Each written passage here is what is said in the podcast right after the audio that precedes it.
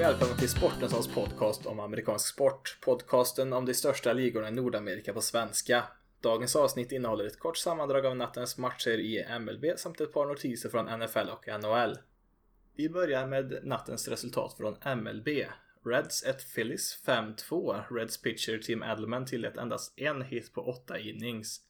Ace at Yankees 4-1. Matchen inleddes med sju innings utan en enda run innan det lossnade för Ace i den åttonde.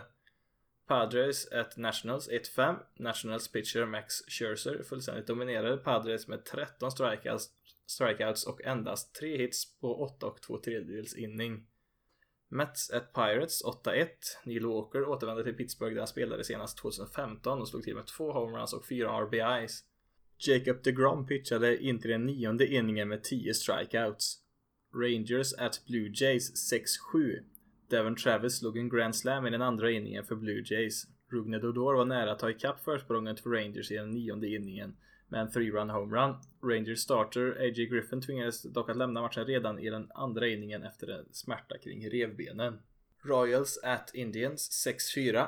Indians tog ledningen med 4-0 efter tre innings men Brandon Moss 3-run homerun i den fjärde inledde Royals vändning till 6-4.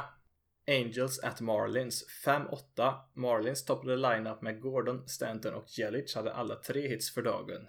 Mariners at Red Sox 0-3.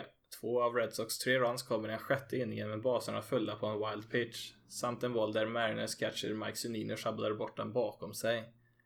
Diamondbacks at Brewers 4-2 efter extra innings. Brewers behövde bara en sista out när Diamondbacks Chris Ionetta klev upp för att slå i den nionde inningen. Men han slog iväg en homerun och tog matchen till extra innings. Väl där i den tionde kunde Diamondbacks plussa på ytterligare två runs för att ta hem segern.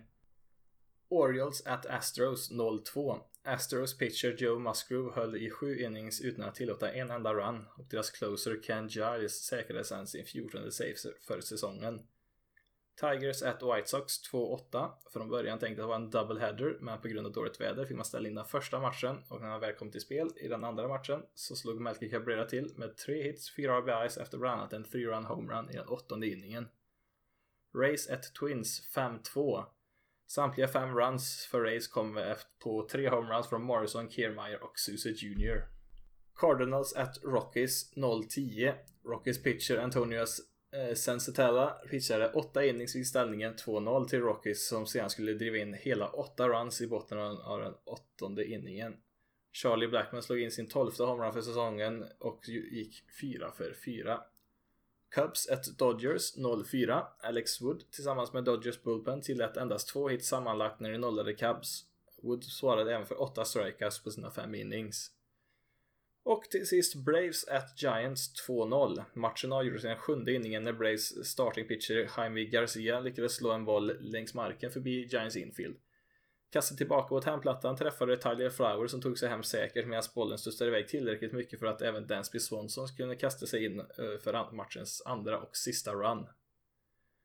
Kan också passa på att tipsa om att MLB under helgen erbjuder MLB TV för halva priset 56 dollar eller strax under 500 svenska kronor går det på för att kunna se samtliga matcher live eller on demand. Tjänsten inkluderar även slutspelet. Och sen ett par notiser från NFL. Detroit Lions har skrivit ett ettårskontrakt med Matt Asiata som spelat i Minnesota Vikings sedan han kom in i ligan odraftad 2012.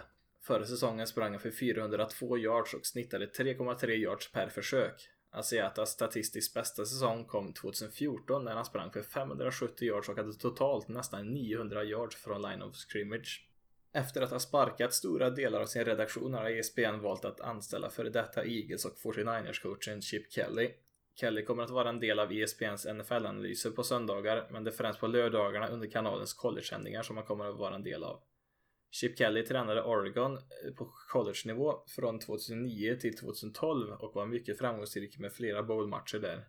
Hans record som huvudtränare är 46-7 eh, inom college och 28-35 i NFL. Och sist till NHL, där Nashville Predators har gjort succé i årets slutspel och slagit tittarrekord i nästan varenda match de spelat på sistone. Nashvilles fans har visat så pass stort intresse att NHL-kommissionären Gary Batman nu säger att de tittar på olika möjligheter att spela utomhusmatch i Nashville. Och då finns det ett par olika alternativ att välja på. Kanske det mest självklara valet är ju Tennessee Titans hemmaarena Nissan Stadium som tar lite drygt 70 000 åskådare. Om man vill gå ner något i storlek så finns det även Vanderbilt Stadium som är kapacitet för 40 000 där man i vanliga fall spelar collegefotboll.